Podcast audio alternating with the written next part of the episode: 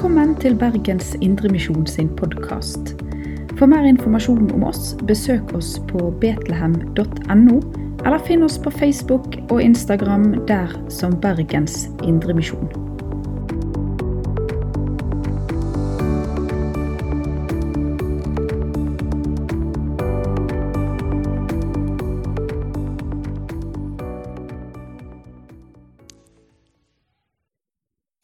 Se dere alle sammen.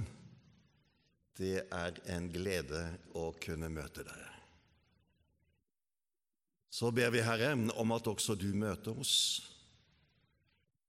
Og jeg ber, Herre, om at du må ta min tanke og mine ord til fange og bruke den ved din ånd, slik at vi kommer nær deg, Herre.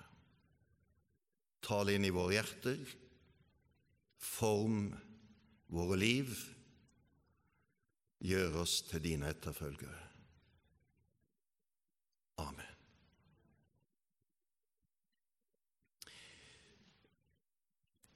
Sist sa vi noe om Paulus sin bakgrunn, og hvordan han da møtte Jesus utenfor Damaskus. Oppvokst i Tarsus, i et hjem som var en ortodoks jødisk hjem. Og hjem og by forma hans liv og skapte forutsetninger også for den tjenesten han senere går inn i. Han kom som en ung mann til eh, Jerusalem, sannsynligvis omkring tolvårsalderen, og går i undervisning og lære hos en av de berømte lærerne i samtiden, nemlig Gamaliel. Han tilhører partiet Fariseerne og blir en av frontfigurene i det partiet i sin samtid. Og blir en innbitt motstander av Jesu disipler. Og Det er det som leder han da også til Damaskus, fordi at han har fått eh, myndighet fra øversteprestene om å reise til Damaskus, arrestere de kristne, føre de til Jerusalem, til forhør og til dom. Og da er det altså at det skjer at han får et møte med den levende oppstandende Jesus, som totalt forvandler hans liv, hans mentalitet, og han får et kall. Han skal være et redskap som skal bære Jesu navn fremfor hedningefolk, konger og for Israels folk, heter det i den kall som Ananias bærer frem til ham. Og Dermed så får han allerede en beskrivelse av at han skal stige inn i en folkeverden og inn i et landskap preget av kultur, politikk og religionen. Slik at i det øyeblikket han stiger inn i dette kallet og skal ta det innover seg, gå inn i denne tjenesten, så er det ikke bare slik at han stiger frem med et budskap, men han står i en sammenheng. Og denne konteksten, eller det landskapet han da stiger inn i, der oppstår det et spenningsforhold mellom det budskap han er satt til å forkynne, og det strømdrag, åndsstrømdrag, som er i datidens kultur, religion osv. Og samtidig som han får dette kallet, så gir Ananias han også en realismebeskrivelse, hvor han sier at Herren skal vise ham, altså Paulus, alt han må lide for mitt navns skyld. Dette leser du om i Apostelens gjerning kapittel 9. Så allerede fra det tidspunkt får altså da Paulus et beskjed om at dette å bringe mitt navn frem til folkeslag, til konger og til det jødiske folk, det vil også ha lidelsens konsekvens. Dermed oppstår dette spørsmålet som også opptar oss i denne bibeltimen, nemlig hans frimodighet inn i dette landskapet, hvor han møter disse motsetninger og spenningsforhold. For hvordan møter han denne situasjonen? Og I utgangspunktet kan vi si at det er tre strategier for å møte slike situasjoner, som er for så vidt like aktuelle i dag som det var den gang. En kan møte den med taushet. Ved å trekke seg inn til det trygge, til det nære, til det kjente, der hvor alle vet hva du står for, hvor ingen sier noe imot, hvor det er trygt. Da blir man taus overfor folkeslagene, overfor de politiske myndighetene og alle de som lever i dette religiøse, politiske, kulturelle landskapet. Eller en kan velge en annen strategi, nemlig om å tilpasse seg de strømdrag som er i tiden. Dermed så blir budskapet på en måte bearbeidet med sikte på at det skal bli akseptert, og anstøtene tas bort. Og så omskrives egentlig budskapet for å skape tilpasning. Og denne strategien den er ofte blitt valgt gjennom Kirkens historie og den er meget utbredt i dag. Den tredje strategien, det er å stå frem med budskapet i en trygg forvissning om at dette er Herrens kall og gjerning. Da skapes der en frimodighet, og denne veien var det Paulus valgte. Og det er denne veien vi skal prøve oss å trenge oss noe inn i i dag for å få kjennskap til hvordan dette skjer, og hvordan det virker.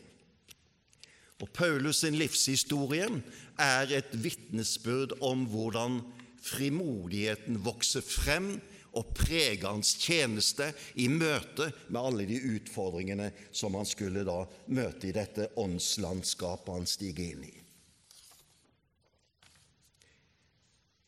Derfor, når vi skal forstå frimodigheten og de utfordringene som ligger i budskapet og den situasjonen han da står i, så må vi se litt på den sammenhengen han stiger inn i, nemlig de, det åndsklimaet som preger den situasjonen, den tid som Paulus levde i og gikk inn i. Og Det første jeg vil da understreke, er et trekk ved datidens situasjon som er meget gjenkjennelig i vår egen tid og situasjon, nemlig at datidens åndsklyper kan vi kalle preget av globalisering og pluralisme. Romerriket var et verdensrike. Det var med på å skape denne globaliseringen som gjør at folkeslagene møter hverandre, og de ulike strømdragene, dette store romerske riket, flyter litt frem og tilbake i dette riket. Og Det skjer ved at handelsfolk reiser, sjøfolkene reiser, soldatene reiser, og det er gode kommunikasjoner mellom de ulike delene av dette riket.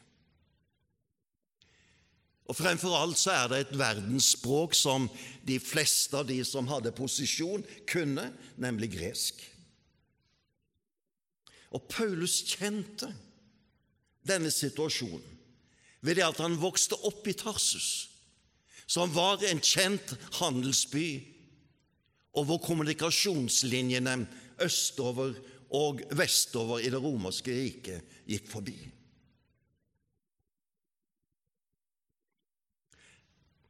Paulus var ikke redd for disse sentrene hvor hele religiøsiteten utkrystalliserte seg. Paulus sine reiser, geografiske reiser, Hvis du følger ham, så er det en strategi i måten han går inn i dette landskapet på. Han følger hovedveiene. Han stanser opp i de viktigste sentrene, og der etableres menighetene. Derfor er det at vi sier at Paulus er en bymisjonær. Slik at dette religiøse mangfoldet, denne pluralismen som lå der den gikk han inn i og frimodig forkynte i. Så han møtte dette mangfoldet, preget av romersk, gresk, østerlandsk tradisjon og religion og gudeforetellinger selv om de også da på lokalplanet kunne dyrke sine egne guder, slik som du gjenfinner det i ganske mye av religionshistorien, hvor de har guder fra ulike livssituasjoner, guder for fruktbarhet, for yrke, for jakt, sykdom, krig og mørke. Slik var det lokale religiøse landskapet. Ved siden av disse mer overgripende religionene og religiøse strømdagen. Vi i dag lever jo i en mye mer sekulær tid. Så for oss er det kanskje noe fremmed og noe uvant, fordi at folk har ikke den samme religiøsiteten som den gang.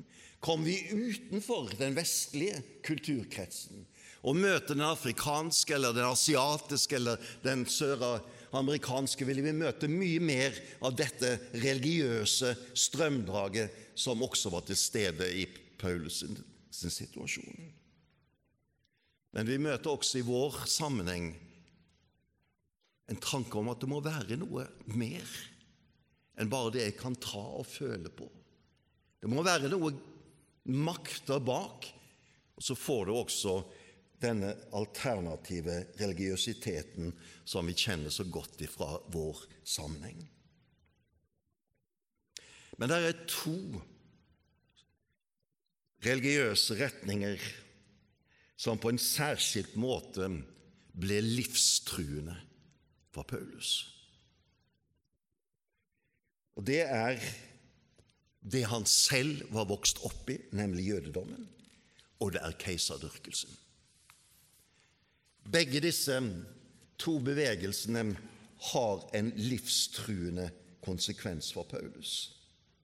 Så finnes det filosofiske og livssynsmessige strømdrag i tiden, slik som stoikerne, epikureerne, gnostikerne osv. Disse hadde mer et nedslag blant overklassen i datiden. De som hadde penger til å sende ungene på akademier, de som hadde penger til å kjøpe inn en lærer som kunne lære barna i familien og i storfamilien. De som hadde tid og overskudd til å være på torget og diskutere den type spørsmål.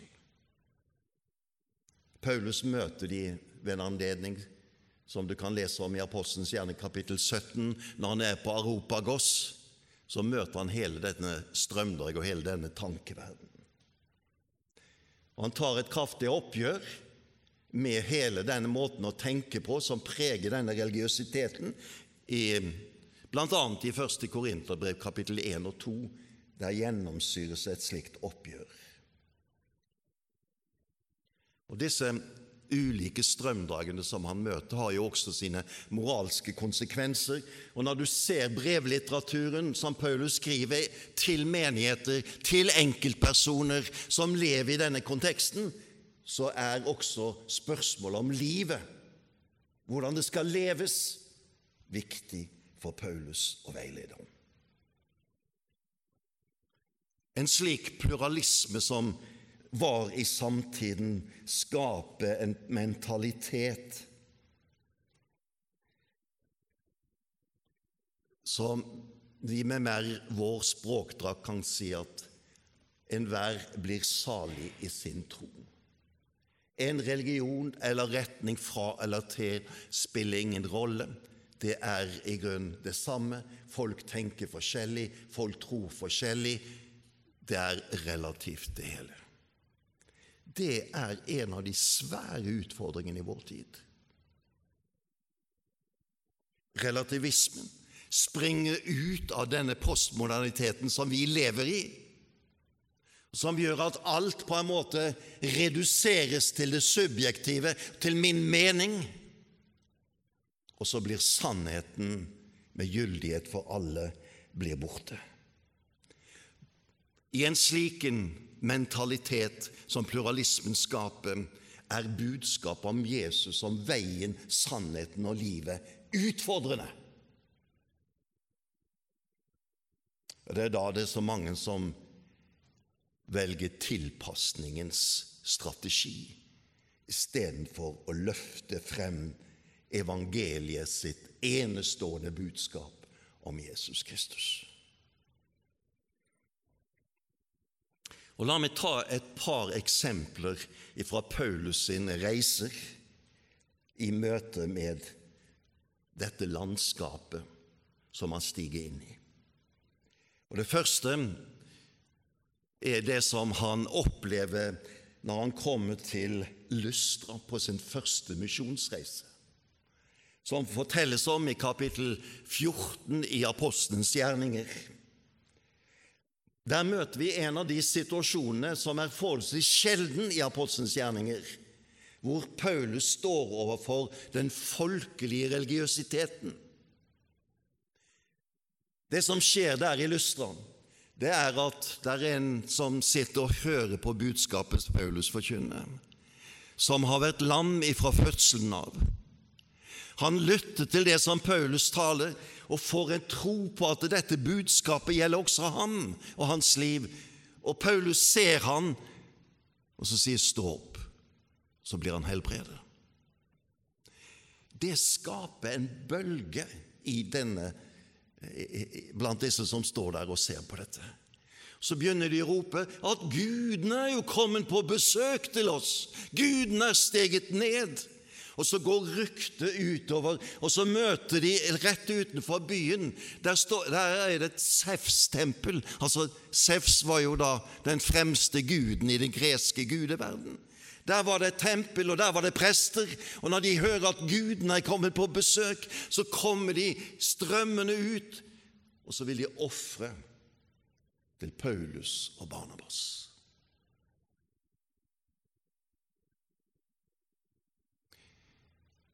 Og Paulus må ta, ta et skikkelig oppgjør og si vi er jo mennesker akkurat som dere. Vi er jo ikke guder. Så argumenterer han for det. Og så er det med nød og neppe han får altså de til å avslutte det forsøket på å ofre til dem.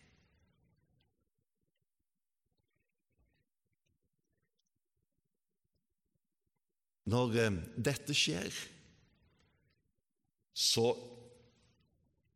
snur hele stemningen. Og de som utnytter dette stemningsskiftet, det er jøder som kommer fra de andre stedene Paulus har besøkt.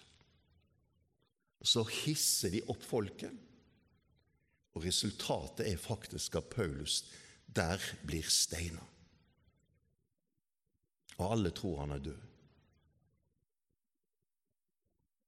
Og når alle folkene er gått, og de som er kommet til tro, er igjen og er i stor sorg, så stiger Paulus opp.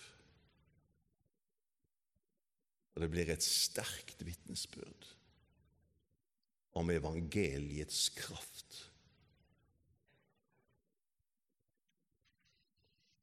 denne konfrontasjonen med jødene, som også var meget smertefull for Paulus. Og Du kan lese i Romerbrevet kapittel 9 og det følgende.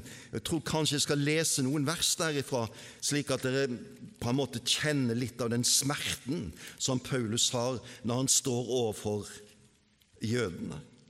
Han har jo hele tre kapitler hvor han prøver å legge til rette for hvordan det er i forholdet mellom jøder og hedninger. Så skriv, starter han hele denne delen av romerbrevet Jeg taler i sannhet i Kristus, jeg lyver ikke. Min egen samvittighet bekrefter det i Den hellige ånd. Jeg bærer en stor sorg i hjertet og plages uavbrutt. Ja, jeg skulle vært forbannet og skilt for Kristus om det bare kunne være til hjelp for mine søsken som er av samme folk som jeg. Og i innledningen til kapittel 10, mine søsken, jeg ønsker av hjertet og ber til Gud at de må bli frelst. For det vitnesbyrdet gir jeg dem, at de brenner for Guds sak, men uten virkelig å kjenne Ham.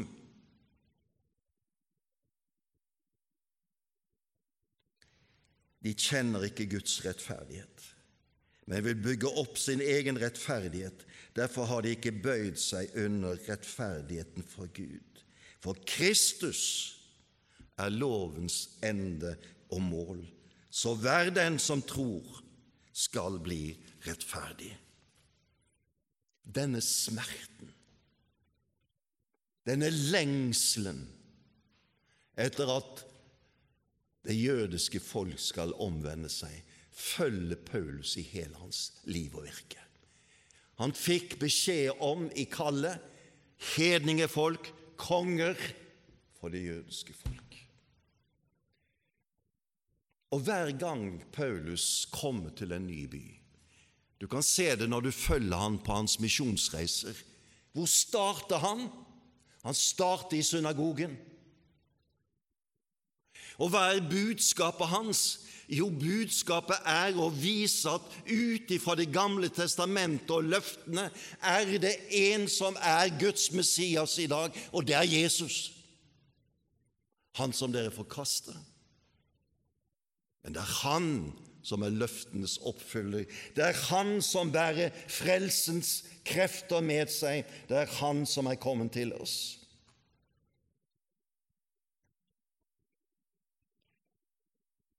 Det ble en voldsom konfrontasjon. Og Du kan lese det fra sted til sted, dette budskapet som han da forkynte om at Jesus som frelser er frelser både for jøder og hedninger. Det gjorde at noen av tilhørerne i synagogen som hadde annen bakgrunn, de fant håp i det Paulus forkynte.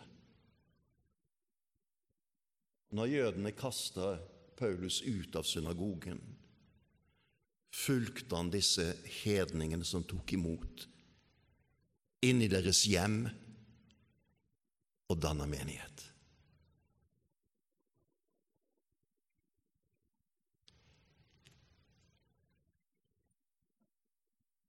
Så var det også en front som Paulus kom til å stå i, som hadde med den indre motstanden det som vi kan kalle en teologisk infiltrasjon i selve menigheten. Og i, brevene som han skriver, merker vi hvordan dette plager Paulus, og hvor han stadig vekk må ta opp disse spørsmålene for at menigheten skal bli bevart i troen på Jesus. Og det er særlig to strømdrag som Paulus kom til å møte i sin tid. Og Det ene har bakgrunn eh, i den jødiske forankringen. Og det er en gruppe som går under navnet judaistene. De trodde at Jesus var Messias. Men for at hedningene skulle ta del, få del i evangeliet, måtte de bli jøder.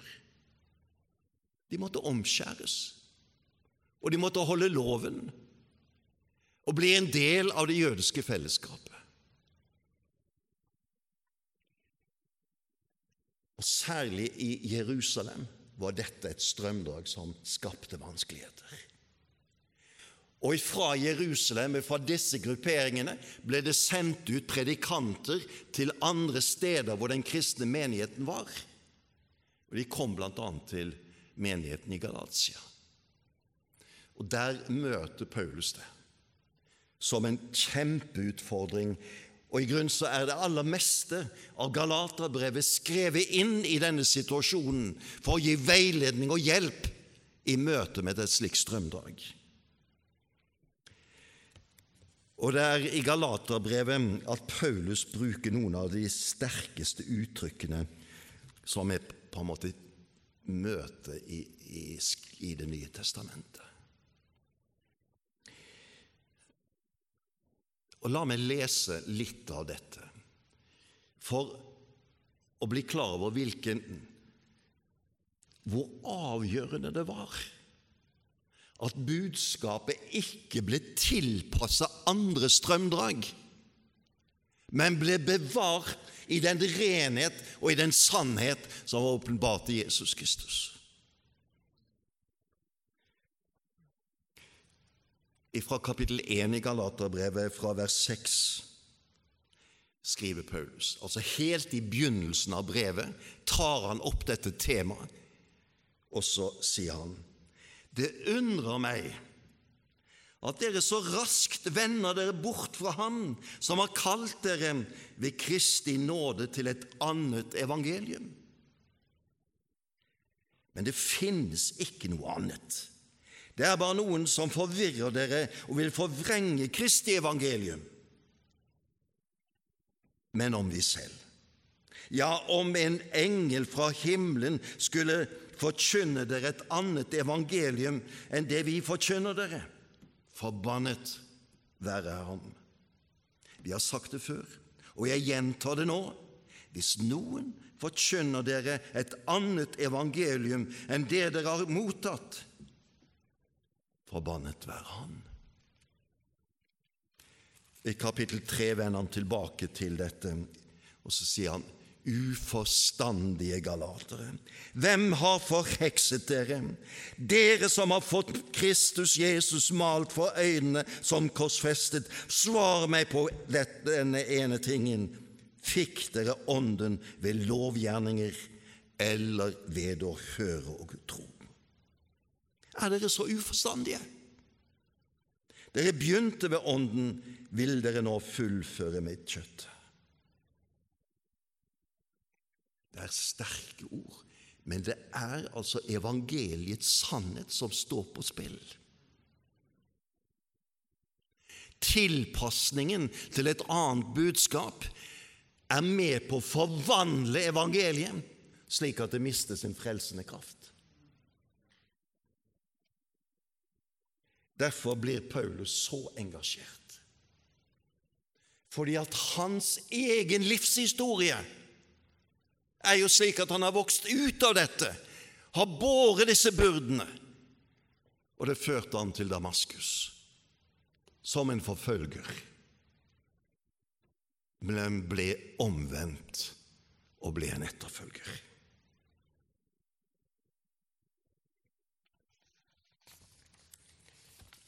Så er det et annet strømdrag som også er til stede og som blir enda mer tydelig etter hvert, det er det som har en forankring i gresk livssynsfilosofi og tradisjon, som heter gnostisismen.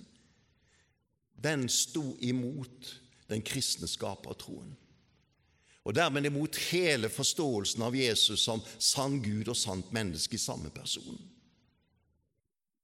Og Jesus ble i den tradisjonen som disse gnostikerne representerte, han ble en livsfilosof som gav dem opplysning om hvordan de kunne stige ut av kroppen og stige opp mot det himmelske og guddommelige. Og I Oldkirken var dette en av de aller vanskeligste situasjonene som oppsto i kirken nemlig dette gnostiske strømdrag, som omtolker Jesus så radikalt, og som førte til en av de store skismene i Oldkirken. Paulus møter dette, skriver litt om det, men det blir mer fremtredende etter hvert. Men i Kolosserbrevet kapittel 2 Fra vers 16 møter vi noe av dette strømdraget som et asketisk strømdrag, hvor man skulle på en måte kvitte seg med kroppen for å bli rensa, for å stige opp i de høyere sfærene, hvor bare fornuft og tanke var det som dominerte. Men det som kom til å bli det aller vanskeligste, var den politiske makten.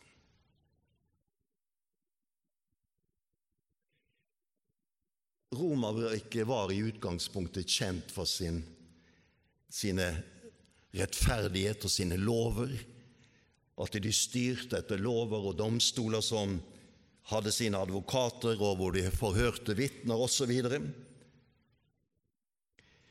På en måte datidens rettsstat. Selv om det var vesentlig forskjellsbehandling i datidens Romerrike mellom romerske borgere og alle de andre. Paulus var romersk borger, og han var beskytter av denne lov og den rett som romerske borgere kunne skjule seg blant. Det hjalp han i Filippi da han satt i fengsel. Det hjalp han i Efesus da de holdt på å ta livet av ham, og det hjalp han da han sto på tempelplassen og talte til det jødiske folk, og den romerske myndighet måtte gripe inn for at de ikke skulle ta livet av ham. Men det utvikler seg i dette politiske lederskapet, keiseren i Rom, det som kom til å bli keiserdyrkelsen. Det var et strømdrag som egentlig hadde bakgrunn i Østens religioner. Og Vi møter det f.eks. i Egypt, hvor farao ble oppfattet som en gudesønn som var kommet ned til jorden. Og Slik kunne vi finne det også i andre av disse religionene som var i denne østre delen av Romerriket. Slik tenkte man ikke i Hellas, slik tenkte man ikke i Rom. Men Augustus, keiser Augustus, en av de fremste keiserne i det romerske riket, fant ut at dette var en mulighet til å sikre folkets lydighet mot keiseren. Keisermakten var, eller Keiserens myndighet var bygd på makt og bygd på lover. Men nå hadde en muligheten til å bygge den opp religiøst, slik at keiseren hadde guddommelig opphav. Keiser Augustus utviklet ikke den på en slik måte at alle måtte tilbe keiseren. Men etter eh, keiser Augustus, noen keisere senere, kommer Nero.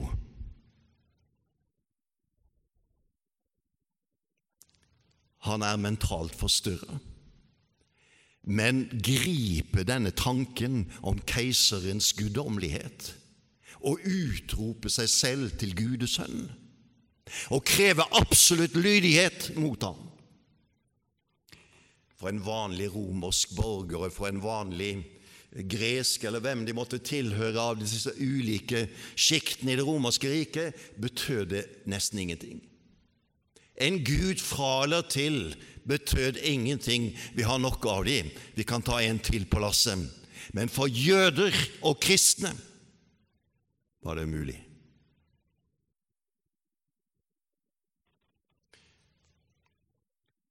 Det blir en stor brann i Roma. Sannsynligvis har Nero satt fyr på byen sjøl og vil reise den opp igjen og bygge den opp til en flottere by enn det den var før. Men han trengte en syndebukk. Og Da er det at han velger ut de kristne som syndebukken de som ikke vil tilbe keiseren. Det er de som har satt på fyr på byen, og slik er det at brannen oppstår. Og de kristne blir arrestert. Blant de som da sitter i fengsel i Rom, er Paulus. og han blir martyr. På samme tidspunkt sitter også Peter i fengsel i Rom. Han ble også martyr.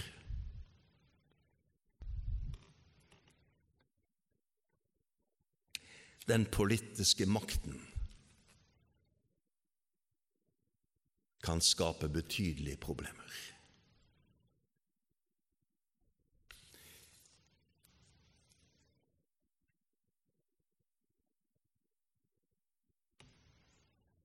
Inn i dette landskapet, som vi nå har gitt noen skisser ifra, står altså Paulus med et budskap. Og han står der med frimodighet. Hva er hemmeligheten til denne frimodigheten? Og Det første jeg vil understreke, det er at denne frimodighet den følger umiddelbart av omvendelsen og kallet. Umiddelbart etter denne omvendelsen som finner sted i Damaskus, opp hvor Paulus får reorientert hele sin teologiske univers, står han frem i synagogen og forkynner stikk motsatt av det han tidligere hadde trodd på nemlig at Jesus fra Nasaret, han er Guds Messias. Han er Guds sønn, sendt til frelse for oss. I det budskapet ligger frigjøringen. Så denne mentalitetsendringen, denne erfaringen av evangeliet. At han som var en forfølger, blir tilgitt. Skaper altså en helt ny plattform i hans liv. Det er en dyptgripende erfaring av Guds nåde. Og Paulus blir aldri slutter aldri å forundre seg over at dette kunne skje i hans liv. I en av de siste brevene han skriver, nemlig det første brevet til Timoteus, det andre, det, kanskje det siste han skriver, men der kom han tilbake til dem. La meg lese de versene fra 1. Tim, kapittel 1, vers 12 til 15. Og se tilbake og undre seg over den nåden han har fått del i. Jeg takker Ham som gjorde meg sterk.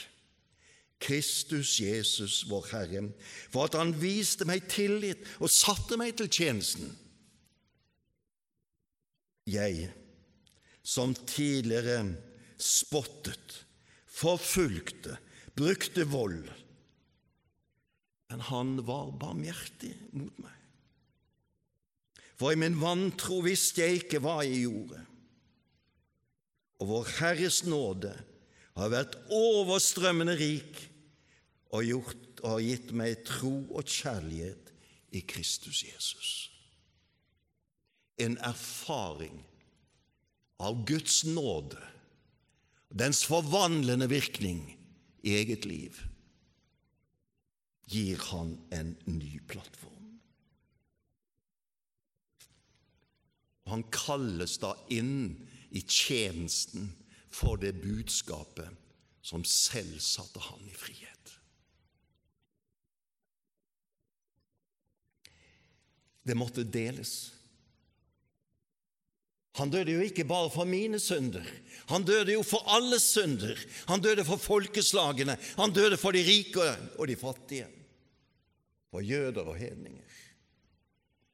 Og Når Paulus skriver brevet til romerne, han har tenkt seg til Rom, ikke som fange, men på en reise hvor han tenker at Rom skal være et nytt sted, en ny base for misjonsvirksomhet i Spania.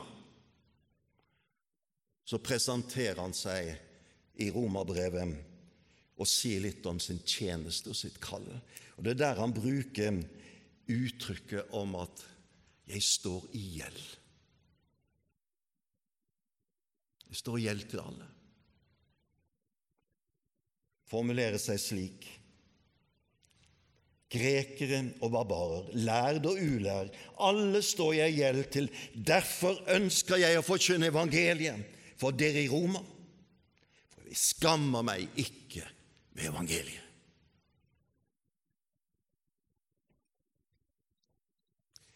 Hans erfaring av Guds nåde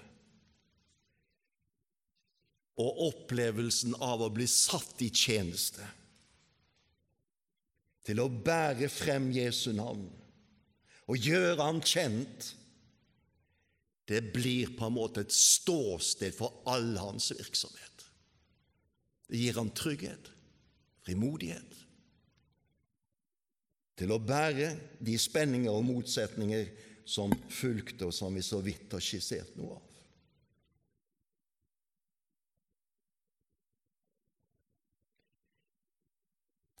Han forkynner altså et enestående budskap som han selv har erfart virkningen av. Jesus er sannheten. Jesus er livet. Jesus er den eneste frelsesvei. Det er budskapet med gyldighet for alle mennesker.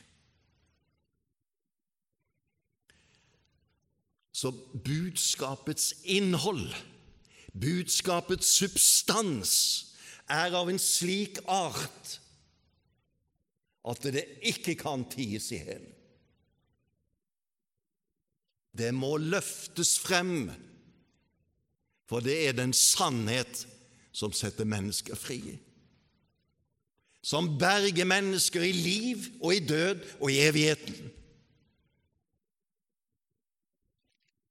Derfor må evangeliet lyde. Derfor hadde han frimodighet, fordi han kjente dette budskapet og visste hva det betød, og hadde erfart det selv. Derfor prekte han frimodig. Og det er en ting til ved dette budskapet som er med på å gi han denne frimodighet til å stå i denne virksomheten.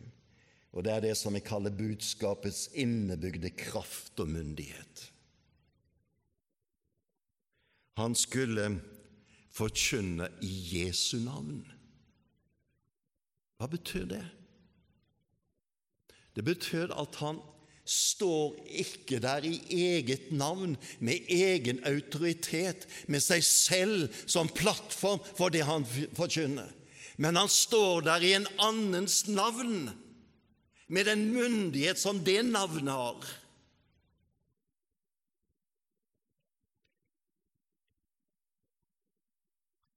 Og Paulus kommer tilbake til dette flere steder, også i sine brever. Og En av de mest klassiske stedene er i 2. Korinterbrev, kapittel 5, slutten av dette kapittelet, hvor han taler om forsoningens tjeneste så sier han, så er vi da utsendinger for Kristus. Og det er Gud selv som formaner gjennom oss. Vi ber dere på Kristi vegne, la dere forsone med Gud. Det er forsoningens tjeneste, forankra i en myndighet som ikke ligger i ens eget navn, men i Jesu navn. I hans person og i hans gjerning. Slik at i selve budskapet om Jesus ligger der en myndighet og en kraft. Derfor kalles også ordet om Gud, altså Guds ord, for et levende ord.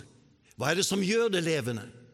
Det er fordi at Gud selv forener seg med dette ordet og gjør det til et redskap i sin hånd, og det skaper det handlingsrommet hvor Gud kan handle. Og Derfor er det at eh, dette budskapet omtales som en Guds kraft. Sant? I 1. Korinterbrev 1,18. Og ordet om korset er en Guds kraft til frelse. Det er dårskap for de som går fortapt. Men for oss er det en Guds kraft til frelse. Det gjør at Paulus med det budskapet, hvor Gud selv er til stede når han forkynner i samsvar med den åpenbaring som han har gitt, så er Gud selv til stede.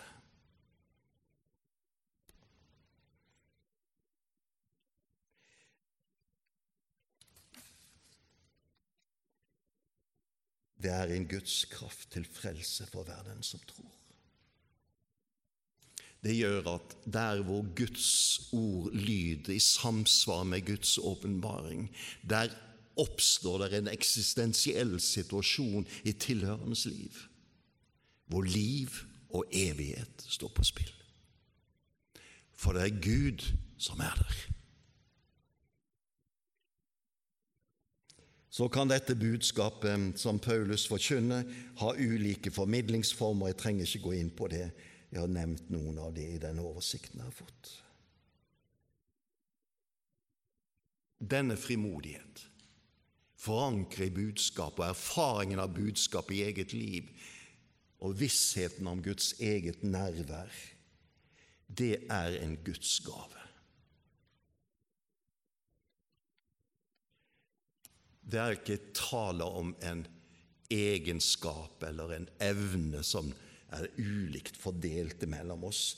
Det kan være i de allmennmenneskelige sammenhengene, men når det gjelder evangeliet, så er det snakk om en frimodighet som Gud gir, og som er uløselig knyttet sammen med avhengigheten av Gud.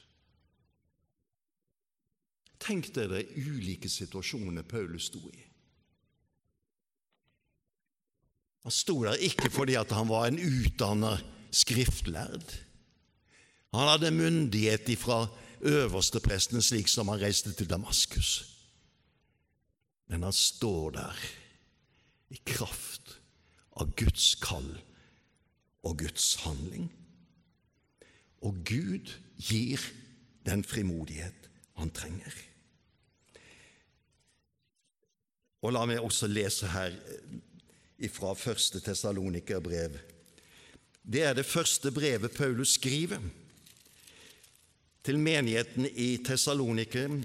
Det er på den andre misjonsreisen han har reist ifra eh, Troas over til Makedonia. Han har vært i Filippi, han kom til Berøa, han kommer til Tessalonika. Og så skriver han et brev raskt etter at han har reist videre og noen vers derifra. Kapittel 2, vers 1 og 2.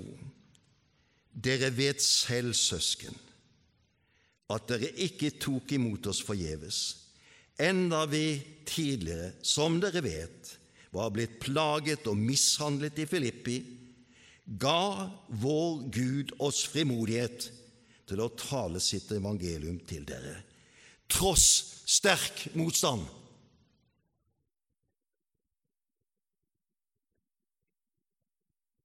En gave gitt av Gud. En tillit skapt av Gud i hjertet om hans nærvær og hans handling i livet. Denne frimodigheten som Paulus erfarte, den måtte hele tiden fornyes.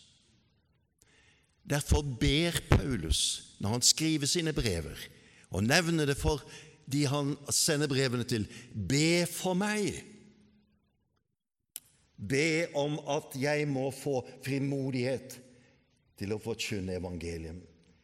Jeg vil der lese hvordan han formulerer det i Efeserbrevet, slutten av Efeserbrevet. Det er skrevet i fangenskap i Rom. Og Han sitter der og griper de mulighetene som han har i, i fangenskapet. kan dere lese om flere steder. Men så sier han noe på slutten av dette brevet som er litt av en nøkkel til det hele. Nemlig kapittel 6, vers 18. Eller vi kan ta ifra Ja. Gjør dette i bønn og legg alt frem for Gud. Be alltid i Ånden, våk og hold ut i bønn for alle de hellige, også for meg. Be om at de rette ordene må bli gitt meg når jeg skal tale, så jeg frimodig kan gjøre evangeliets mysterium kjent. Det som jeg er sendebud for, også mens jeg er i lenker. Be om at jeg ved evangeliet får frimodighet til å tale slik jeg skal. Be om at jeg ved evangeliet får frimodighet til å tale slik jeg skal. Han ber om forbønn. Han er avhengig av deres forbønn. Han lever i et fellesskap med sine menigheter. Han lever ikke som individualist, men han lever i et fellesskap. Dette fellesskapet er med på å bære han i tjenesten. Og det som er hemmeligheten til frimodigheten, det er evangeliet. At jeg ved evangeliet må fri, få frimodighet, så jeg kan forkynne evangeliets ord.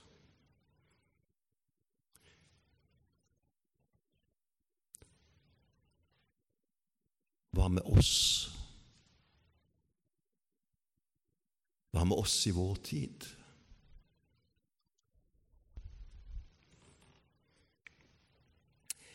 Det kan være store forskjeller mellom datiden, da Paulus levde, og vår tid. Vi i Norge iallfall blir ikke livstruende forfulgt. Men vi utfordres stadig vekk på evangeliets sannhet. Også vi kjenner på situasjoner hvor vi skulle ha talt, men vi tidde. Også vi kjenner på situasjoner hvor vi har lyst til å neddempe alt anstøt. Også vi kan kjenne på den situasjonen at vi vil tilpasse evangeliet og den sannhet som åpenbares for oss, til den tiden vi lever i, den relativismen vi lever i.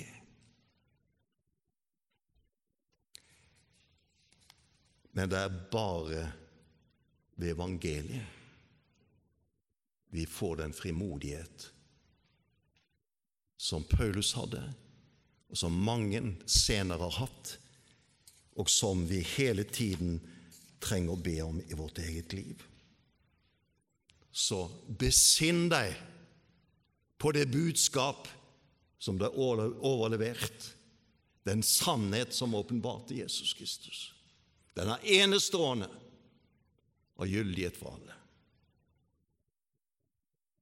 Erfar selv evangeliets frigjørende kraft, slik at du vet at det er mine synder han døde for. Det er meg han har gitt et nytt liv, en ny retning. Og vær klar over at kjennskapet til Kristus